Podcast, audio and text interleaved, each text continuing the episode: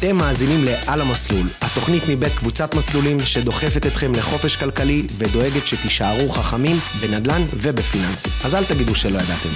מתחילים. שלום לכולם וברוכים הבאים לפרק נוסף של "על המסלול". היום השם של הפרק שלנו הוא מה עושים עם כסף. אנחנו בדיוק סוגרים אה, את השנה, אוטוטו, מתחילים אה, ברבעון האחרון של 2023, ואנחנו נמצאים כבר כמעט שנתיים בתקופה שהיא די שינתה אה, את כל מה שהיינו רגילים אליו, בין אם זה אה, המימון שנהיה יקר אחרי עשור מושלם מבחינת תנאים, האינפלציה שהכל פה מתחיל להתייקר, אנחנו רואים את זה גם בחברות פרטיות, אנחנו רואים את זה גם בחברות בורסאיות גדולות, שקשיי תזרים אה, גם מובילים בסוף למיעוט של עסקאות נדל"ן, בין אם זה משקיעים מוסדיים, בין אם זה חברות גדולות, בין אם זה חברות קטנות, אנשים פרטיים, ובאמת שהקלפים נטרפו. ומי שלא הולך לעדכן את עצמו ולזהות את ההזדמנות ולעשות את מה שצריך בשביל להצליח, כנראה לא ינצל את התקופה הזו לטובתו. אז אה, אהלן דור, מה קורה? זה פתיח קשה מאוד לעיכול. כן, זו האמת, בוא, בוא, לא, בוא לא נהיה תמימים, כי באמת הכי קל, ואנחנו כל יום רואים את זה, כמה הטבעת הפיננסית נסגרת. קשה לכולם, יותר, מאוד קשה. הכל יקר יותר. אה, רמת החיים אנחנו מאוד רוצים לשמר, הישראלים אנחנו שופוני ברמה גבוהה. אה, רואים את זה בנתב"ג, שאתה עובר בנתב"ג ומיליון איש טסים. אבל אנשים... כל הלקוחות שלנו של האיחודי הלוואות, אתה לא כן? לא יכול לאסוף מהם מסמכים, כי הם אומרים לי, אני עכשיו בחו"ל, אני עכשיו בחו"ל, אני עכשיו בחו"ל, אני אחזור בחו"ל, אני שולח מסמכים. תארגן לי עוד 20 למה שאמרתי לך. והוא בן אדם עם פיגורים ועוד סלפים ומה לא, והוא טס לחו"ל, זה הזיה. אז בגדול, אם אנחנו מדברים על כסף, זה מושג גדול, כן? אמ, אבל כסף מתחלק לשתיים. אחד זה איך מייצרים אותו ולא שורפים אותו, איך, איך אנחנו מצליחים לשמור עליו. והחלק השני, זה איך אנחנו גורמים לכסף לעשות כסף שזה נשמע, יש הרבה... זה נשמע כמו סכם. הרבה שטויות שמספרים היום, והרשת מלאה ב... קורסים. שרלטנים, פשוט ככה, שרלטנים. אנשים שמוכרים כסף מהיר, זה לא קיים, זה לא פה, אם, אם אתם מחפשים את זה, חבו עכשיו, דפקו את הראש בקיר ותקדמו בחיים. אמ, על החלק של לייצר כסף ואיך לא לשרוף אותו, זה לא לכאן. היה לנו גם בחלק מה, מהפודקאסטים הקודמים, דיברנו על איך מנהלים תקציב, זה לא, זה, זה לא המהות של החצי שעה הזאת שיש לנו. אה, אנחנו נדבר על רגע, אם כבר יש לנו כסף, יש לנו, לא יודע, אנחנו שכירים, עצמאים, אה, מצליחים באיזושהי צורה לשים איקס כסף בצד, רוצים להגדיל אותו, ועכשיו רוצים לעבור לשלב שבו אנחנו מתחילים לתכנן את העתיד הפיננסי, ודואגים שהכסף שלנו יתחיל לעשות כסף. אז יאללה, בוא. איך בוא, מתחילים? בוא, מאיפה מתחילים? מאיפה? אז קודם כל, יש כל מיני סוגים של יועצים.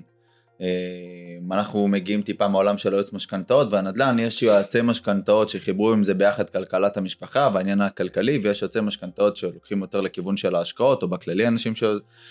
אני בכללי, בכל מה שמגיע לכסף, מאוד מאמין בזה שצריך להיות חכם בכסף הגדול, ואין לנו שליטה כל כך על הכסף הקטן, ואני אתן לזה דוגמה. הרבה יועצים כלכליים היום אה, אה, נותנים אה, חשיבות יתרה, לדעתי לפחות, לכל מה שקשור ללחסוך באוכל, ב-15 שקלים על הכוס קפה, לחסוך פה בביטוח, לחסוך שם בביגוד, ובסוף מגיע אוגוסט ויש לך ש... כמה אירועים אחד אחרי השני, ועוד מעטפה ועוד מעטפה ועוד מעטפה, וכל החיסכון הלך. אז שזה אומר להיות חכם בכסף הגדול, זה אומר מה קורה עם ההלוואות שלי, איך אני לוקח, אם אני לוקח הלוואות חכמות כן או לא, הלוואות למינוף, הלוואות לתזרים, איך התנאים שלי, איך ההחזרים שלי, איך הריביות שלי, ובעיקר מה קורה בכל מה שקשור למצב שיש לי כסף, האם אני לוקח אותו, קונה דירה, משכיב אותו בארבע קירות ומשלם משכנתה ל-30, 40, 50 שנה, משהו שלא הולך להיגמר, אה, או שאני מנסה לשבור את התלם, כי הכמות הודעות שאני מקבל באינסטגרם מכאלה ש... יש להם כסף ולא יודעים מה לעשות איתם, או כאלה שפשוט מדברים איתי עם הלשון בחוץ ואומרים לי, שמע, איך יוצאים מהמרוץ הזה, המרוץ העכברים הזה שכולם מדברים עליו. אה, הייתה לי ממש שיחה לפני אה, כמה ימים עם מישהו שאומר, שמע, אני לא, אני מרגישה כאילו אני דורכת במקום, אני מכניסה 30 אלף שקל, אני ובעלי, ואנחנו לא מצליחים לחסוך. ואנשים אומרים לי שאני צריכה לחסוך, אני אומר לה, אבל את לא אמורה לחסוך. אומרת לי, מה זאת אומרת? אתה הראשון שאומר את זה. אני אומר לה, נכון, את לא אמורה לחסוך, יש לך שלושה ילדים? היא אומרת לי, כן, אז את לא יכולה לחסוך כסף. אי אפשר, שלושה ילדים, לחסוך כסף, לשלם משכנתה ולצפות שיהיה טוב, המשכנתאות יתייקרו, הגנים זה משהו מטורף. החיים יקרים, אתה לא יכול להגיע למצב שאתה אה, חוסך כסף היום עם 25-30 אלף שקל, מישהו צריך להגיד את זה, ומי שאומר לך, או שנותן לכם הרגשה שאתם לא בסדר, שאתם לא מצליחים לחסוך כסף, אז אה, לדעתי יש לו בעיה... הוא עושה סתם תפיסת- נזק. כן, יש לו בעיה תפיסתית. כי שוב, זה להיות חכם בכסף הקטן ולא בכסף הגדול. כי אה, אתם לא תהיו עשירים מזה שתחסכו כסף. זה משפט קצת דרמטי, אבל זאת האמת. אתה תהיה עשיר... משפט שאומר, אם חסכת 700 שקל כל חודש עד גיל 60, מה יקרה לך? אתה תהיה זקן. כן, אתה לא תתעשר מזה, אין, אתה פשוט תחכה עם זה, וזה, וזה לא, זה לא הנקודה. אז אמרנו שכסף גדול זה השקעות, שהם בין אם זה נדל"ן. עוד נקודה רגע שאני לוק- אני לוקח- אני לוקח אותנו. לצד, והרבה אנשים, שזה הדבר הכי פשוט, אנשים הולכים לעבוד, קוראים, סליחה על הביטוי, את התחת בימינו. אנחנו המדינה שעובדים בה הכי קשה בעולם הנורמלי, או העולם לא העולם נורמלי, הנורמלי, כן. אבל אנחנו עובדים הכי קשה. נלחמים? נלחמים על uh, כל שקל עם הבוס, ובצדק, כן? כי צריך להילחם על כל שקל. ואז מגלים שעשר שנים uh, שבהם חסכנו פנסיות, uh, השתלמויות, גמל, היינו במסלולים שבהם הכסף הלך אחורה, ולא קדימה. שזה אתה רץ ונלחם, ובסוף כולה היית צריך לבחור מסלול השקעה שאיפה שכבר הכסף שאתה עובד קשה, היה צריך לבחור משהו, לא התעסקת בזה. זה הכסף הגדול. ה-50 שקל אה, אה, טעות בתלוש, זה כסף, לא מזלזל. אבל יש לך פה 200 אלף אתה שקל. מדבר על העובד השכיר שנלחם עם העובד, עם גם- המעסיק שלו העלאה של אלף שקלים. נכון, גם זה, גם העצמאי שהולך, נלחם, רב עם ספקים, גובה מלקוחות, שוכח בכלל לה- להפריש לעצמו. אני חושב שלהיות עצמאי במדינת ישראל זה על גבול הב- הבלתי אפשרי. אם אתה מכין פיצה טוב, זה לא אומר שאתה צריך לפתוח פיצריה. וזו התחושה בחוץ. שכולם רוצים, רוב, או- תש... או- לדעתי 90% שוב. מהעצמאים, אני אעשה בוחן פתע לאנשים, 90% מהעצמאים אין להם מושג מה הרווח שלהם בסוף שנה. אה, הם יכולים לדעת אולי בשורה של... הם לא באמת יודעים להבין כמה זמן הם עובדים ביחס לרווח שלהם, ולכן יש משפט שאומר גם שרוב העצמאים, זה, זה נתון די ברור, אם היו הולכים לעבוד בתור שכירים אצל המתחרים הכי גדולים שלהם, כנראה שהם היו עושים יותר כסף בסוף החודש. אבל הקטע הזה של... אה, של להיות עצמאי, ובאמת, אני, זה, אם יש משהו שמפריע לי, כי גם ככה שקשה לנהל כסף. וכשאתה לא יודע לנהל כסף, ואתה גם פותח עסק, זה פשוט מתכון לצריכת אשראי ובור, בגלל זה רוב העסקים נסגרים עם חובות. אתה פשוט מכניס לשם כסף, אין לך מושג אפילו על מה, ואומרים לך, כן, אתה לא מצליח, אתה לא מצליח תזרימית, קח הלוואה בשביל לסדר את התזרים. אתה אומר כאילו, וזה מה לא, ש... זה תבדוק אם העסק. יעיל. לפני שאתה דוחף עוד הלוואה, לפני שאתה מגדיל עוד התחייבות ושם עוד אה, תעשה 100 את אלף בצד רזה. לתזרים, עסק צריך ואני- להיות רזה, ו- בטח שבמונחים של ריביות ועלויות. לכל מוצר, כל דבר, כל רזה, שירות, ועכשיו רואים איזה כמות אה, פשיטות רגל וה... וה- וחברות ענק נופלות. אני אגב, הגישה שלי אומרת שיותר קל להפוך את עצמך לעשיר אם אתה שכיר מאשר עצמאי, ואני אסביר. כשאתה שכיר, יש לך, אה, בסוף הבנקים מאוד אוהבים אותך, לעומת עצמאי שאין לך יציבות. אם בנקים אוהבים אותך, ואתה מכניס כסף בצורה טובה ואתה יודע טיפה לחסוך ולהתנהל בזה, הבנקים ייתנו לך אשראי, משהו שהוא לא קורה עם הרבה עצמאים, זאת אומרת ברמה של המשכנתאות ארוכות טווח. אה, כי עצמאי אתה תשאל אותו כמה אתה מרוויח, הוא יגיד לך 40 אלף שקל בחודש, ואז אתה רואה את הדוח רווח והפסד זה 10,000 שקלים, ועוד 30 אלף שקל זה פשוט המחזור שלו, הוא פשוט לא מצליח להבדיל בין המחזור לרווח. אז אני אומר, אם אתם שכירים, תישארו שכירים, אם טוב, אם כמובן אם טוב לכם במקום עבודה שלכם. בוא נגיד ש... גם אני אם- הייתי שכיר במרכאות, מה, שבע שנים הייתי בכמה, הייתי כמה שנים בקבע. הכל טוב, אין- אין- הייתי שכיר, חסרתי אין שם לזה תחום כסף. פשוט ב- ב- ב- בתור עצמאי. קוראים לזה צבא פרטי, יהלומי אדם באפריקה, זה האופציה היחידה שלנו יכול להיות הייתה שכיר ל... חרב, שמע. אה, כן, כואב. מתחפש, אה, אה, טוב. אז בואו נדבר רגע על מה עושים עם כסף. אז בואו נגיד קודם כל, בואו נלך לבסיס, מאיפה מתחילים? מאיפה אוקיי? מביאים? כסף. מאיפה מביאים? איך שאני רואה את? זה, יש שני סוגים של הון. אה, זאת אומרת, יש בעצם הון שהוא בחשבון שלי, הוא נזיל, אני יודע איפה הוא, אני רואה אותו בעיניים, ויש הון סמוי, הון סמוי זה ההון הכי קריטי. לדוגמה, זה אה, הון ששוכב לי בתוך הקירות שאני לא יודע להשתמש בו. זה אה, הון... שנייה, ב... תסביר, כי זה, זה בעצם אומר שיש לי נכס, עם משכנתה, בלי משכנתה. יש לך, זאת אומרת ואני, ש... ואני לא יודע מה האפשרויות שאנשים לא יודעים, שהם יכולים להשתמש בנכס שלהם, שזה הכי בסיסי שיכול להיות היום. ככלי? כדי, ככלי מינופי. לקבל את האשראי הכי זול. כן, כמובן, כל מה שאנחנו אומרים פה לא מדובר בייעוץ אישי. כל אחד שיעשה את הבדיקות, דברים, זה יכול להיות מאוד בזה. מאוד מסוכן, זה יכול להיות או צל"ש או טר"ש. אז בואו נחזור, אמרנו, יש לנו קודם כל נכסים פיזיים. יש לנו את הנכסים. שכבר יש לנו. אגב, צריך להגיד את זה, אנחנו מסתכלים רק על הנכס שלנו. יש, לה, יש גם נכסים של ההורים, שמאוד רוצים לעזור לילדים שלהם ולא יכולים לעזור בהכנסה חודשית, אבל בגלל שהם קנו בתים בתקופה שהיה קל יותר לקנות בית, יש להם היום בית עם משכנתה מאוד קטנה או בלי משכנתה בכלל. והדבר הזה זה אחלה של כלי. כלומר, אפשר היום, יש היום מוצרים של משכנתה הפוכה לגיל השלישי, אתה לוקח משכנתה על בסיס הבית של ההורים, זה ממש, יש לזה הגדרה אגב, כמשכנתה, משכנתה עזרה לילד, אתה פשוט על בסיס הבית של ההורים, לוקח איזושהי הלוואה, זה בעצם נותן לבנק את, הבט, את הבטוחה בשביל להעמיד לך את האשראי, אתה משלם החזר חודשי מאוד בסיסי, פתאום יש לך 300, 400, 500 אלף שקלים, שכל מה שהיית צריך לעשות זה לחשוב מחוץ לקופסה, ועכשיו יש לך כסף לעבוד איתו, ואתה יכול לקחת את זה, להוסיף משכנתה, ולהיכנס לעסקה. אגב, יש עסקאות גם שאתה לא חייב משכנתאות.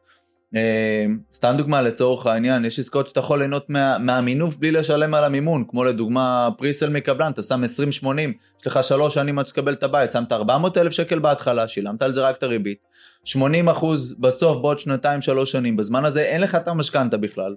פיקס, נכנסת לעסקת נדל"ן, אתה אפילו לא היית צריך משכנתה, לא צריך הרבה, העניין הוא שאנשים ראש בקיר.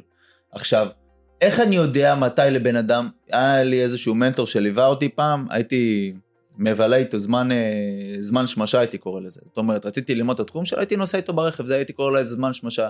הייתי שומע את השיחות טלפון שלו, שואל אותו מה הוא עושה, מה הוא אומר, הייתי הולך איתו באתרי בנייה. כל זמן שיכלתי לשתות ממנו, הייתי פשוט שותה אותו. והוא אומר משפט שעד היום הוא איתי, הוא אומר, תקשיב, כסף תמיד יש, שאלה כמה הוא עולה. וזה נכון, אם עכשיו הייתם צריכים כסף לאיזה טיפול מציל חיים, אז כנראה שהייתם מביאים את הכסף הזה. והכל עניין של כמה אנחנו נחושים בסוף להשיג את המטרות שלנו. יש כאלה שמתגלגלים, ואגב, לא יודע מי מכם שיש ילדים, אין ילדים, מהרגע שיש ילדים, אני לפחות מרגיש שהקצב, המהירות של החיים, זה, זה כאילו שמו לך את הקצב של החיים שלך על, על פי ארבע במהירות. כאילו פשוט שנים עוברות ואתה לא מצליח לשים, כאילו אני מסיים שנה עכשיו 2023 נגמרת, אני אין לי מושג כאילו איך זה קרה בכלל, כאילו... הרגע התחילה הקורונה. לא יאמן, כאילו, זה, זה הזיה, הזמן פשוט טס. והבעיה הכי גדולה זה שאנשים לא עושים פעולות, ולזה אנחנו נגיע בסוף. אז קודם כל, מה מקורות ההון שלי? הון נזיל שיש לי, והון שהוא סמוי, שזה בהלוואה בנקאית שאפשר לקבל, נכס שיש לי, נכס של ההורים, או סתם דוגמא, פנסיות, קופות גמל, יש לי עכשיו אה, לקוחות שאין להם ברירה, צריכים לסיים עסקה של מחיר למשתכן, פודים את הקופת פנסיה שלהם. שזה ו... כואב. כואב, אבל לפעמים אין ברירה. אין, אין, אגב, ברירה, אין, עכשיו... אין, אין ברירה כי כבר אתה בתוך העסקה. אתה בתוך העסקה לממש. הייתה ברירה בהתחלה, ומחיר כן, למשתכן, ועדיין... לא נדבר על מחיר למשתכן, שזה פשוט גרם להרבה אנשים לקפוץ מעל פופיק שהם לא... הרוויחו שם לא הרבה היית... מאוד כסף בכל זאת. ולא היית אמור לקנות בית. אם אין לך כסף להון עצמי, סליחה, אתה לא צריך לקנות בית. אז בסדר, אז קיבלת מתנה מהמדינה, שאת המתנה הזאת כולנו מסבסדים ביחד, אבל זה, זה נושא אחר, וכולם נהיו משקיעים מכסף שאין להם, מהלוואה נכון. של 100 אלף שקל. זה הסיכון אגב של, אה, קודם כל שאנשים נכנסו למחיר למשתכן, רק במשפט, אנשים לא הבינו מה המשמעות של מדדים שהיו מאוד גבוהים אז, ומה המשמעות של מימון כזה גבוה. עכשיו שהריבית נמוכה, הכל טוב, אבל שהמימון גבוה ויש מדדים מטורפים, אז עכשיו אנשים לא מצליחים לעמוד בתשלומים, ויש עכשיו כדור שלג פסיכי, וגם יש הגבלה במכירה במחיר למשתכן של חמש שנים, אז הם אפילו לא בדרך. יכולים למכור את הנכס בשביל לחלץ את הרווחים שלהם, בשביל לסולק את ההתחייבויות. קיצור, זה משהו די פסיכי, אבל רק במשפט על הפנסיות, אני, ואני אומר את זה גם לכם, מי שיסמוך על הפנסיה העתידית שלו, או על הקופות גמל, או הקרנות, או על, אפילו על הביטוח הסיעודי, בדיוק היה פרסום על זה שאין למדינה, אין כסף אין אפילו לשלם את הביטוח הסיעודי. כסף לשלם, כבר לא משווקים גם את המוצר מי, הזה. נכון, בגלל שהוא לא כלכלי, אז מי שיסמוך על הדברים העתידיים האלה בעוד 40-50 שנה, שתהיה איזושהי בריכה של כסף, שכספי המיסים ישלמו את זה, אני אומר לכם שאתם... אה, כבר פשוט, אומרים? אה, זה, אני, זה, זה פשוט להרים יד ולהגיד, אני, אני מוותר מראש.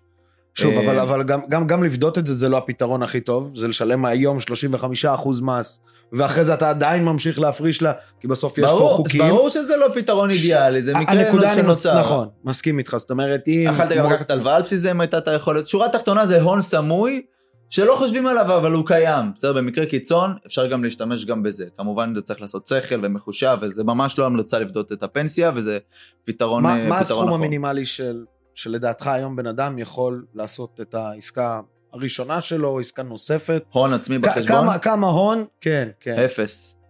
לא, אני- לא, לא, לא. הצלחתי לגייס.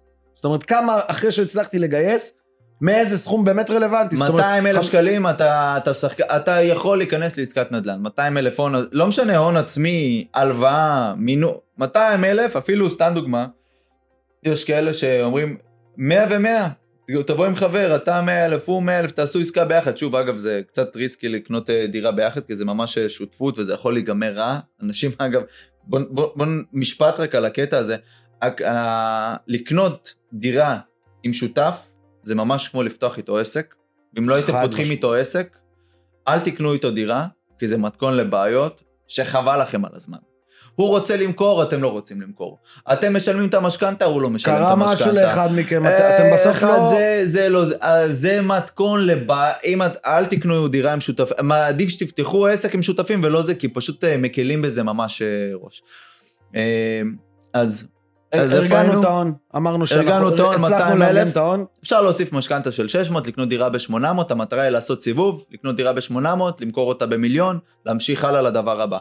בסדר? זאת אומרת, להרוויח את ה-200 אלף שקלים, ולהמשיך הלאה. בדיוק היום הייתה לי שיחה איתי בפגישות, חבר, שהוא גם משקיע ולקוח, ואחלה של בחור, אה, נכנס איתנו כבר לכמה עסקאות וכמה השקעות, ויש לו 250 אלף שקל בשוק ההון, ומאוד קשה לו לשחרר את זה. אני אומר לו, אבל, אבל 30 אחוז מהשכר שלך כבר שם. כאילו, עזוב, יש לך 250 אלף שקל. נגיד והשוק עלה בעשרה אחוזים השנה, והוא לא יעלה בעשרה אחוזים, עד סוף השנה הרווחת עוד 25 אלף שקל. גם אם הרווחת 25 אלף שקל, יש לך על זה 25 אחוז מס, אם היית צריך לממש את זה. כמה כסף כבר אתה... סליחה שאני אומר את זה, אבל שוק ההון זה לסאחים. סורי שאני אומר את זה. אתה כבר שם. זה משעמם, זה מה שכולם עושים. אין לכם שום יכולת לקבל ייעוץ מקצועי למה שקורה אין בשוק לך גם ההון. שום יתרון יחסי, אתה לא יכול באמת לחקור. ואין לך נדל"ן. שום שליטה. אין לך שליטה. נדל"ן זה for dummies. נדל"ן אתה לא מבין מה השווי, תזמין שמאי. אתה לא יודע מה המצב המשפטי, קח עורך דין. אתה לא מבין בשיפוץ של נכס, קח קבלן. אתה לא מבין, בת... קח עוד... אתה לא מבין במשכנתה, קח יועץ. מה אני יכול לעשות בשוק ההון? ללכת ליועץ השקעות? הוא בעצמו לא יודע מה לקנות. הוא ייקח אתכם לאיזשהו סל או משהו שנראה לו טוב ומחר בבוקר בום זה יכול להתרסק. נדל"ן זה משהו הרבה הרבה יותר יציב, יש לזה אגב סיבה ברורה גם. בסוף כסף מונע מרגש. שהכסף נזיל, שאני רואה אותו יורד, אגב השוק, התיק שלו גם אה, מופסד קצת כרגע, בגלל זה גם לדעתי יותר קשה לו לבדות אותו, שאתם רואים את השוק יורד, זה קרה הרבה בקורונה, אתם רואים שהרבה אנשים מימשו ומכרו. לעומת זאת בנדל"ן, גם אם השוק יורד, הכסף לא נזיל לו בתוך ארבע קירות, יותר קשה לך, יותר מזה, גם אתה לא תמכור את הבית שלך כי זה רגשי. הרגש עובד פה הפוך, פה הרגש גורם לך לשמור על הכסף, שם הרגש גורם לך להפסיד את הכסף. ולכן אני אומר, שאם בסוף יש לנו מה שנקרא אה, נדל"ן או שוק ההון, שזה הדבר הבא אגב, שרצינו לדבר עליו, שבעצם איזה אפשרויות אה, השקעה יש לנו, יש לנו שוק ההון או נדל"ן. אז אם אני חוזר לשוק ההון, אמרתי, גם אם זה מרוויח 10% יש לך 25% מס בסוף. בנדל"ן, על ה-250 אלף שקלים האלה שיש לך, אתה מוסיף משכנתה 750, אתה אחרי שנה וחצי, בהנחה וזוהי דירתך היחידה, אחרי שנה, שנה וחצי, בסדר? אתה יכול למכור את אותה דירה בלי הרבה מאמץ, במיליון מאה. הרווחת 100 אלף שקל, נקי ממס, פטור ממיסים, על אותם 250 אלף שקלים שהשקעת, יש לך עוד 100 אלף שקל ביד. נקי. איך אפשר בכלל להשוות בין שני הדברים? זה כאילו לא כוחות. שוב, שזה מגיע לדירה יחידה, אם אין לכם עדיין דירה בישראל. אם נכון. יש לכם כבר דירה, יש דברים אחרים, מגרשים, נדל"ן מעבר לים, יותר למתקדמים. אבל שורה תחתונה, העלייה, בסדר, ולא דיברתי על הכנסה משכירויות ודברים וזה, בסדר, כמובן שיש משכנתה, ריביות, לא ניכנס לזה, אבל אני מדבר רק על ההשבחה. שם 250, קיבלת 100. שמת 250, קיבלת 25, תוריד מיסים, נשאר לך כמה? 20 וקצת, בסדר? הוא, מה, איך, איך אפשר להשוות בכלל? ולכן אני אומר, אם אתם רוצים ללכת לנדל"ן או לשוק ההון, שאתם רוצים לדעת עכשיו מה אני עושה עם הכסף, ההמלצה האישית שלי, שימו את הכסף בנדל"ן. אני לא מתווך, לא, אני גם לא אומר לכם בואו אליי תעשו משכנתה או בואו איתי תעשו, לא. נדל"ן בישראל הוכיח את עצמו כדבר הכי יציב ובטוח שיכול להיות. נדל"ן בישראל ספציפית. התשואה בו לשכירות גרועה. מאוד נמוכה. אבל ההשבחה בו היא פסיכית. ולכן אני אומר לכם גם, אל תקנו נדל"ן לשכירות ארוכת טווח, כי זה גרוע ואף חברה במדינת ישראל לא עושה את זה, לעומת הרבה מקומות אחרים בעולם. אה, נקודה קטנה, נעשה רגע איזה סגירה, כי, כי הבאנו את הנתון, אנחנו אנשים של מספרים, ועשינו מחקר בסיסי בגוגל, כל אחד יכול אה, לאמת, משנת 2008 עד 2023, זאת אומרת 15 שנה, אם היה לי מיליון שקלים והייתי שם אותם במדד מחירי הדירות, שזה שוב, זה לא מדד שאפשר להשקיע בו, אבל זה לא משנה, זה רק אומר מה השוק עשה, במדד מחירי הדירות בישראל, בנדל"ן, לעומת להשקיע את הכסף ב-S&P, 500 החברות הגדולות בארצות הברית, היינו, המיליון שקלים שלנו היו הופכים לשלושה מיליון, נכון? שזה אומר שני מיליון שקלים רווח, בעצם 300 אחוז על הכסף. עכשיו. בשני המצבים אגב. בשני, בשני המצבים, המצבים הגענו, היינו מגיעים לשלושה מיליון שקלים. בדיוק, הגענו פחות או יותר כמה שקלים ימינה ושמאלה. עכשיו, בשוק ההון, 25 אחוז מס על הרווח, ומצד שני בנדל"ן, זה אומר שיש לנו נכס, אם יש בו סוחר הכנסנו בערך עוד 600-650 אלף שקל. רק משכירויות באותם שנים. בזמן הזה. זאת אומרת שאנחנו כבר, הפער הוא ה-600 פלוס המס. זה כמעט מיליון שקלים פער. נכון. בהנחה וזה דירה ראשונה, ו... לעומת בהנחה זה, כמה זה פעמים שוק ההון התרסק בשנים האלה, ב-15 שנים האחרונות יפה. האלה? עכשיו, וכמה אנשים שניהם, הפסידו כסף בהתרסקויות האלה, זה שהם מכרו בפחד? שניהם עלו, פשט מדד מחירי הדירות עלה בקצב מאוד ישיר, יציב. ישיר, לא היו כמעט ירידות למעט נקודתיות. לעומת שוק ההון, ש... שבו קל יותר להפסיד כסף. יש אפשרות, על פניו, כן, אנחנו לא נביאים ואנחנו לא יודעים מה יקרה במדינת ישראל, אבל כל עוד אנשים ימשיכו להתרבות, אנשים ימשיכו לחיות יותר שנים, ומדינת ישראל לא תפוצץ פה את הקרקעות בבניינים, אז כנראה שלרדת זה לא ירד, אין, אין, אין לזה לאן לרדת. חבל שהזלנו את סיני, אחי, יכלנו לבנות גם שם, קודם שנבנה את הנגב, קודם שנבנה את הנגב, אז uh, יש עוד הרבה שטחים, לא המון, אבל יש. אמ, אז זה בגדול, בדירה ראשונה, אה, אי, אי אפשר להשקיע במשהו אחר אם זה לא דירה ראשונה, רק בהיבט המיסוי והביטחון שבעסקה, היכולת שליטה, אה, לממש לא תמיד קל היום, גם אתה חייב לממש, גם בשוק, בשוק ההון זה מהיר, אתה פשוט יכול לממש מהר בהפסד, בנדל"ן זה קצת שונה. הרגש, הרגש, הרגש בנדל"ן גורם לך להישאר, הרגש בשוק ההון גורם, גורם לך, לך לצאת. זה, זה, זה, זה המשוואה, בסדר? אז זה, זה, זה הדעה של שנינו אה, בגדול. ועכשיו הבנו, אוקיי, אנחנו נשקיע בנדל"ן, לא נתחיל להיכנס לאיזה סוגי עסקאות יש. כן, זה אפשר... זה, זה פודקאסט בפני עצמו. כנראה שזה יהיה הפרק הבא. אז אנחנו, יהיה שם לדבר על האפשרויות, על השוני. היום, דור, נגעת בזה ממש בקטנה, שזה הסוגיה של להרוויח את הזמן שלי בעסקאות של פריסל. זאת אומרת, אני מרוויח את ההיבט אה, של המינוף בלי, בלי לשלם על המימון. אני, אני רק רוצה להתעכב על הנקודה הזאת. המימון היום הוא יקר. כמו שאנחנו מבינים, זה בסוף מחזורים, אה, סייקלים כלכליים כאלו ואחרים, כתוצאה מלא מעט פרמטרים. אנחנו מבינים שהריבית עלתה בעשר אה, הכרזות של בנק ישראל, בערך בשנה וחצי, ולרדת היא תרד בערך, אם, אם וכאשר, נרגיש את זה בצורה משפיעה, לפחות שנה וחצי, שנתיים. היא תרד, לא... היא לא תחזור למה שהיה, לדעתי משהו כמו שנה היא תתחיל את המגמה למטה, אבל זה לא יחזור למה שהיה בכמה שנים הקרובות. ולכן יש לנו באמת את השנתיים שלוש האלה שאפשר להרוויח. הרבה אנשים עכשיו מנצלים את זה שמי שקנה קרקעות, או התחייב לפרויקטים... כמו שזה זמן גרוע למכור, זה זמן מצוין לקנות. כן, כן. אז... אמ, אז, אז באמת זה הזמן שלנו לנצל, ויש לא מעט אפשרויות בלנצל רכישות מקבלנים שנמצאים כרגע, אה, בין אם זה בלחץ תזרימי. כמובן לב... לקנות מקבלן בתקופה הזאת עם ערבות, עם, עם ערבות בנקאית. רק ערבויות, מרגישים את זה מלא. עכשיו. לא חסרים תחקרים בטלוויזיה על קבלנים ש... מי שלא יודע זה ממש פוליסת ביטוח לכסף. כל שקל שלכם בטוח אם יש ליווי בנקאי לפועל. אז לא לקנות מקבלן שמה שנקרא בטוח בכיסים שלו ובונה בלי ליווי בנקאי זה מאוד מסוכן. בכללי, כל דבר כזה שווה לבדוק, במיוחד גם להבין באיזה שלב הפרויקט נמצא. ולהבין את הערבויות והביטחונות שזה נושא מאוד חשוב, אבל זה פשוט מאפשר לנו לדחות את לקיחת המימון, כי באמת הוא עלה בערך ב-25% בהחזר החודשי ובתוצאה הסופית, אז זה נקודה שאפשר לעשות. אמ, בואו נדבר רגע על הסוגיה שמטרידה אותנו הכי הרבה. אמ, היה משפט באליסה בארץ הפלאות שאומר, מה זה משנה באיזה דרך אתה בוחר? לאליסה הוא אמר, לדעתי השפן זה היה. אמר לה, מה זה משנה באיזה דרך את בוחרת, אם את לא יודעת לאן את רוצה להגיע. וזה נראה התחושה... נראה לי גם שוורצנגר אמר את זה, אבל בצורה אחרת. אבל... אה, כן? כן. העתיק את אליסה? מניאק. היא קצת לפניו נראה לי. אליסה קצת לפני שוורצנגר. לא מאמין ששוורצנגר העתיק את השפן מאליסה. אה, יש מצב, יש מצב, אגב, דודו טסה שר את זה באחד השירים שלו. בכל עסקה בסוף שאנחנו מגיעים, אנחנו, אנחנו בסוף הבן אדם שמגיעים אליו עם עסקה או כוונה לעסקה מסוימת, ובוא נראה איך אנחנו מממנים, תנתח איתי את המספרים. אנחנו לא רק מעניין אותנו להביא את המימון, אלא גם באמת שהעסקה ש, שהלקוח שלנו עושה עסקה טובה, שהיא עושה לא טוב. ופה הנקודה שאנחנו רואים, ש-95% מהאנשים מתעסקים בטקטיקה, ולא באסטרטגיה, ועל זה אני רוצה שנתעכב קצת. כן. בסוף אתה... מה זה טקטיקה, מה זה אסטרטגיה? קצין מודיעין בדימוס וגם אני יוצא יחידה, ובסוף הכל מגיע בסוף, ל... כמו בציר ניווט, ב...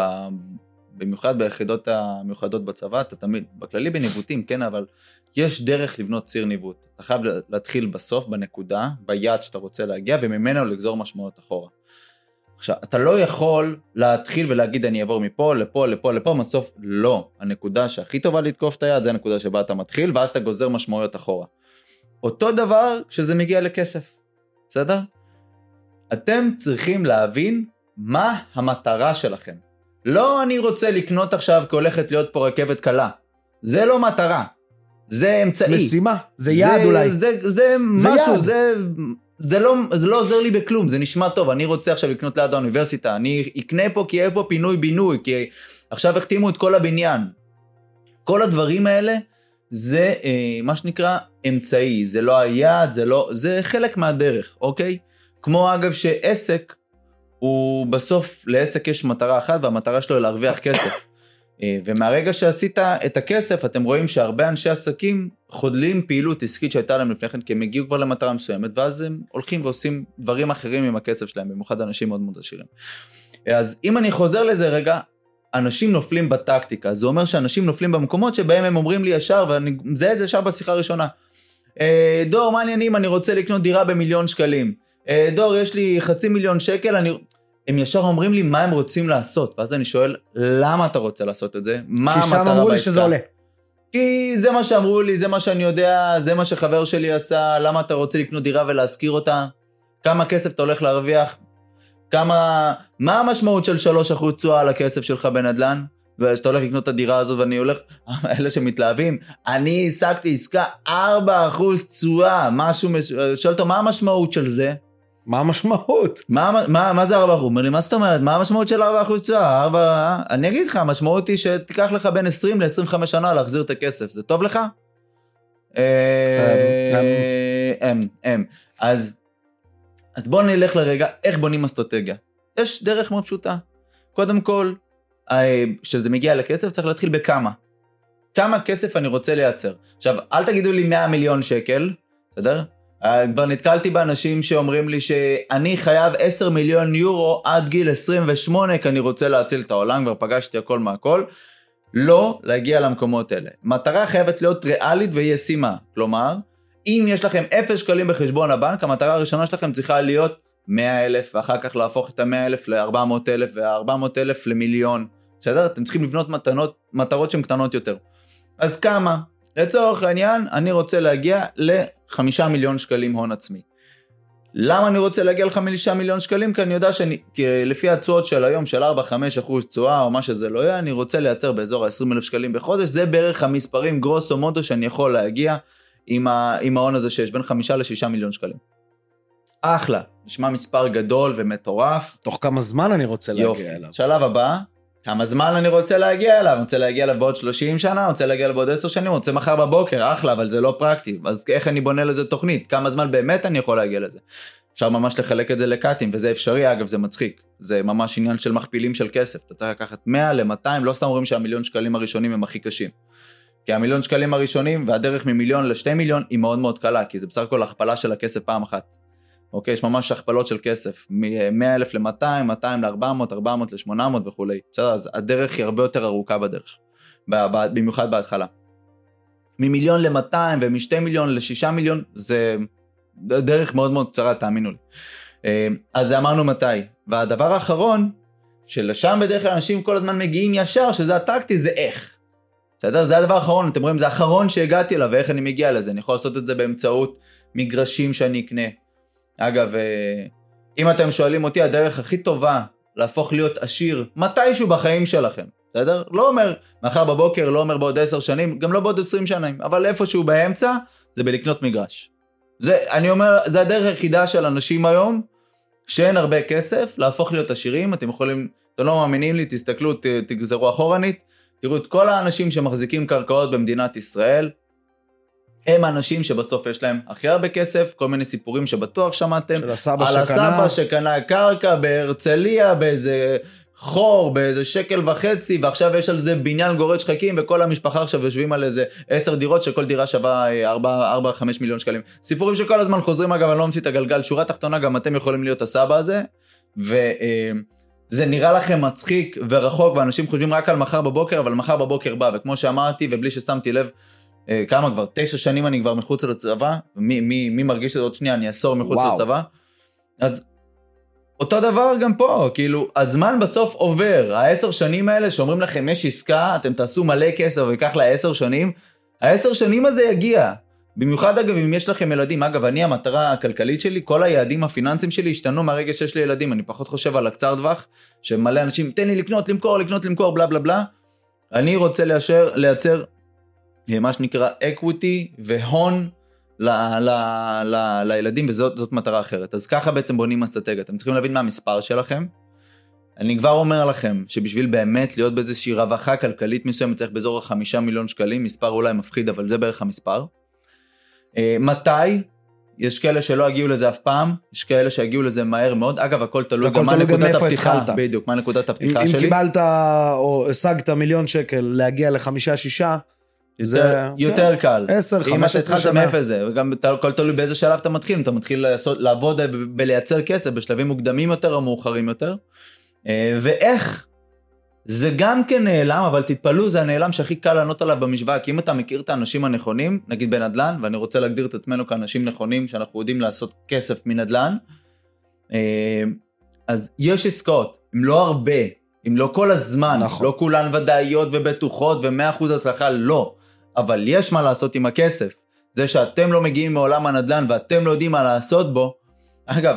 גם זה... הרבה אנשים שמגיעים מעולם הנדל"ן. למה אין יועץ נדל"ן בבנק? כאילו, אתה יודע, יש לך יועץ השקעות בבנק, אתה נכנס לבנק, יש להם כסף, הם מנהלים לך את הכסף, מרוויחים על זה דמי ניהול, אבל תחשוב, כאילו, הרי נדל"ן זה כל כך, הבנק ייתן לך כסף בשביל לקנות נדל"ן, הוא לא ייתן לך כסף בשביל לקנות מניות, או בשביל לקנות את המניות של עצמו, אגב, אני מכיר בן אדם שלקח הלוואה בשביל לפתוח תיק מניות, בסוף התיק מניות קרס והוא נשאר רק עם הלוואות והתיק מניות, כאילו זה, זה פסיכי.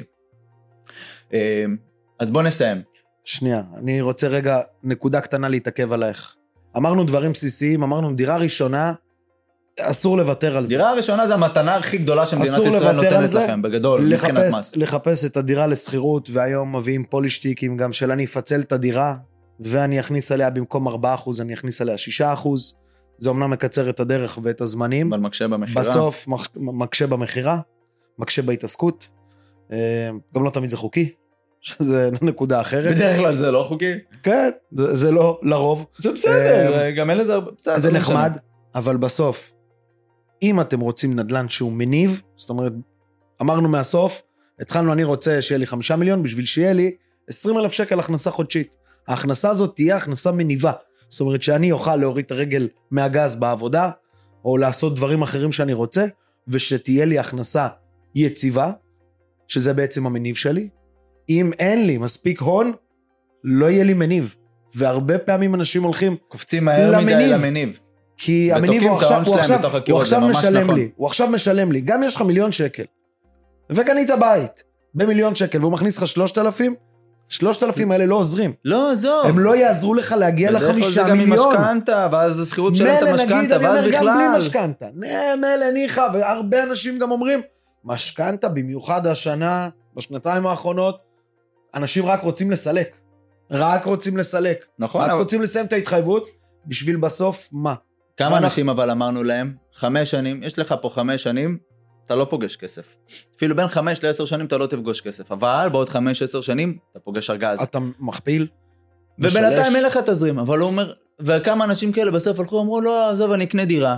אני אומר לו, אבל מה יוצא לך מהדירה? לא, יש לי פה שכירות, ויש לי פה משכנתה, ואחלה, אוקיי, אבל בסוף זה משלם את זה, כן, עזוב שעכשיו הם בתזרים שלילי, כן, עכשיו כבר המשכנתה יותר גבוהה מהשכירות, והם עכשיו מרגישים גם את מה שאמרתי. אבל אני אומר לו, אוקיי, אז בסוף מה שיש לך מה? זה עליית ערך, אז אתה מרוויח רק מלא, אז גם פה וגם פה, ומתי אתה תרוויח באמת את הכסף הזה שיש לך בית שמשלם אה, את, את עצמו וכולי? בעוד 30 שנה, שהמשכנתה תיגמר. אתה יודע כמה פעולות אני עושה עם הכסף הזה ב-30 שנה, ואתם קוברים את כל הכסף בעסקאות כאלה, בבאר שבע ובירוחם, ו... למה לגבור את הכסף? הוא למה? חייב להיות בתנועה. חייב. כסף בדירה להשכרה הוא תקוע, כנראה ברוב המקרים, אלא אם, כמו שאמרנו, הוא עושה הוא עושה בעצם אה, השבחה מסוימת. מניב זה לא להתחלה, מניב זה לשלב שאתה מוריד את הרגל, בדיוק הכי מתקדם. בסוף המשחק פה הוא תמיד מיסוי, לייצר ומימון, הון. מיסוי ומימון. ואמרנו, אז דירה ראשונה שווה לעשות פליפ, במיוחד היום יש הרבה עסקאות מקבלן, להריץ את הדבר הזה. אחרי זה, בשלבים היותר מתקדמים, זה באמת אמרנו מגרשים, המדינה מעודדת אותנו לקנות מגרשים. שזה שיחה בפני עצמה. שיחה בפני עצמה. כן. Uh, המיסוי שם פשוט יותר נמוך, הוא 6% על מחיר המגרש, במקום 8% על מחיר הדירה. שאם אתה שואל אותי זה עניין של זמן עד שגם מישהו למעלה יבין שזה לא יכול להישאר, ויעשו איזה התאמה עם השווי הסופי, זה רק עניין של זמן עד שגם ההטבה הזאת תרד מהזה, לדעתי. ימים יגידו, אנחנו לא יודעים, כי מצד השני מה שמושך את זה, זה שיש uh, טענה שאומרת שהמס על הקרקעות מייקר את מחירי הדירות. ואז יש כאלה תנועות שלמות שממש, אני ראיתי אשכרה פרסומות ברשתות אה, להוריד את מס הרכישה על מגרשים. טוב, זה טמטום. או על דירה שנייה. כן. כדי להוריד את המיסים, כדי שיהיה מה פחות. מה שמייקר זה, זה, זה שאנשים רוצים נדל"ן, אין מה לעשות. יפה. אמ, אז דיברנו סיום. פחות או יותר על האיך, אה, נדל"ן בחו"ל כבר זה, זה, זה, זה עולם אחר, ובואו נגיע לחלק הכי חשוב, מעבר לכל המה אני אעשה ואיך אני אעשה, לעשות. תעשו עם עצמכם משהו. כן.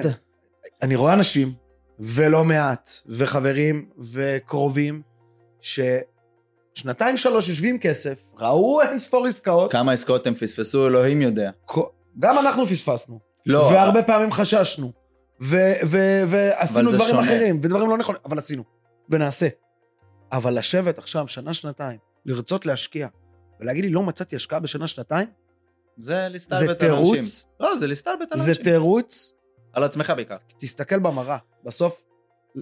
תקשיב, אתה יודע איפה אני מרגיש את זה בדרך כלל? בדרך כלל, זה עם האנשים החכמים שעושים overthinking, וזו הבעיה הכי גדולה שיש. הם חיים בתוך אקסלים, הם רק יחפשו למה לא לעשות עסקה. לא למה כן, למה לא. יהיה להם מתוך ה-100% של העסקה, 90% בעד, 10% נגד, הוא לא ייכנס. ואז אתה רואה בן אדם, לא כל כך חכם, בלי הרבה כסף, והוא טס, והוא עושה ועושה ועושה ועושה, ולפעמים מחטיא, אבל בסוף יש לנו שליטה רק על הפעולות ולא על התוצאות. תשחררו את האקסלים, תשחררו את הניתוחים, תשחררו את החפירות, תשחררו את ההוא אמר לי, הוא אמר לי. לפעמים יש עניין גם של גאט פילינג, של ה... בוא נעשה. מה כבר יכול... בוא נגיד ככה, שאתם קונים נדל"ן, ותמיד תזכרו את זה, הסיכוי שלכם להחטיא הוא מאוד מאוד קטן, כי בסוף הסיכוי שלכם להפסיד כסף הוא נמוך, בסדר? זה חשוב שתדעו. לא מוחלט, נמוך, יש הבדל. בשוק ההון אתם יכולים להפסיד הכל ובסיכוי גבוה. בנדל"ן, בגלל הערך שלו והשווי שלו, נמוך. אז תקבעו פגישות, ואומרים לי איך מתחילים. תקבע פגישות, תשאיר פרטים, תרשום בגוגל, אני רוצה איזה, כל קבלן, כנס, כנס, תשאל שאלות, איך אני למדתי? כל מלווה משקיעים, כל יזם. הלכתי ושאלתי שאלות ולא הבנתי ושאלתי מה זה אומר ומה זה אומר ומה זה אומר, איך ילד קטן לומד? הוא שואל שאלות מטומטמות, אבל בסוף הוא מבין מה זה ולמה ולמה זה ואיך זה, ובסוף ככה לומדים, נכון? אז גם אתם. אז הסקרנות שלכם היא חשובה. אז לסיום אני אומר, מה נעשה עם כסף? הכי חשוב, ועל זה היה הפודקאסט, על מה נעשה עם כסף, העיקר שנעשה, קודם כל. נעשה. זה הכי חשוב. תעשו, ובהגדרה, אתם, אה, מה שנקרא, תגיעו לסיכוי שלכם לצאת מהמרדף הבאמת מאוד קשוח במדינת ישראל. ובשביל שתעשו, גם תעשו טובה, אל תשרפו את כבר מה שיש. לא צריך לבלות יותר ממה שצריך לבלות ולא צריך להיות שופוני, ולא צריך לבזבז סתם כסף, כי היום פשוט קל, הוא נופל, הוא נוזל. והרבה פעמים כן, אמרנו שלא צריך להתעסק בכסף קטן, אבל גם לא צריך לעשות מהכסף הקטן כסף גדול. זאת אומרת, לשרוף אותו בגדול, אז תעשו, תשקיעו, תהנו, תודה, וניפגש בפעם הבאה, בפרק הבא.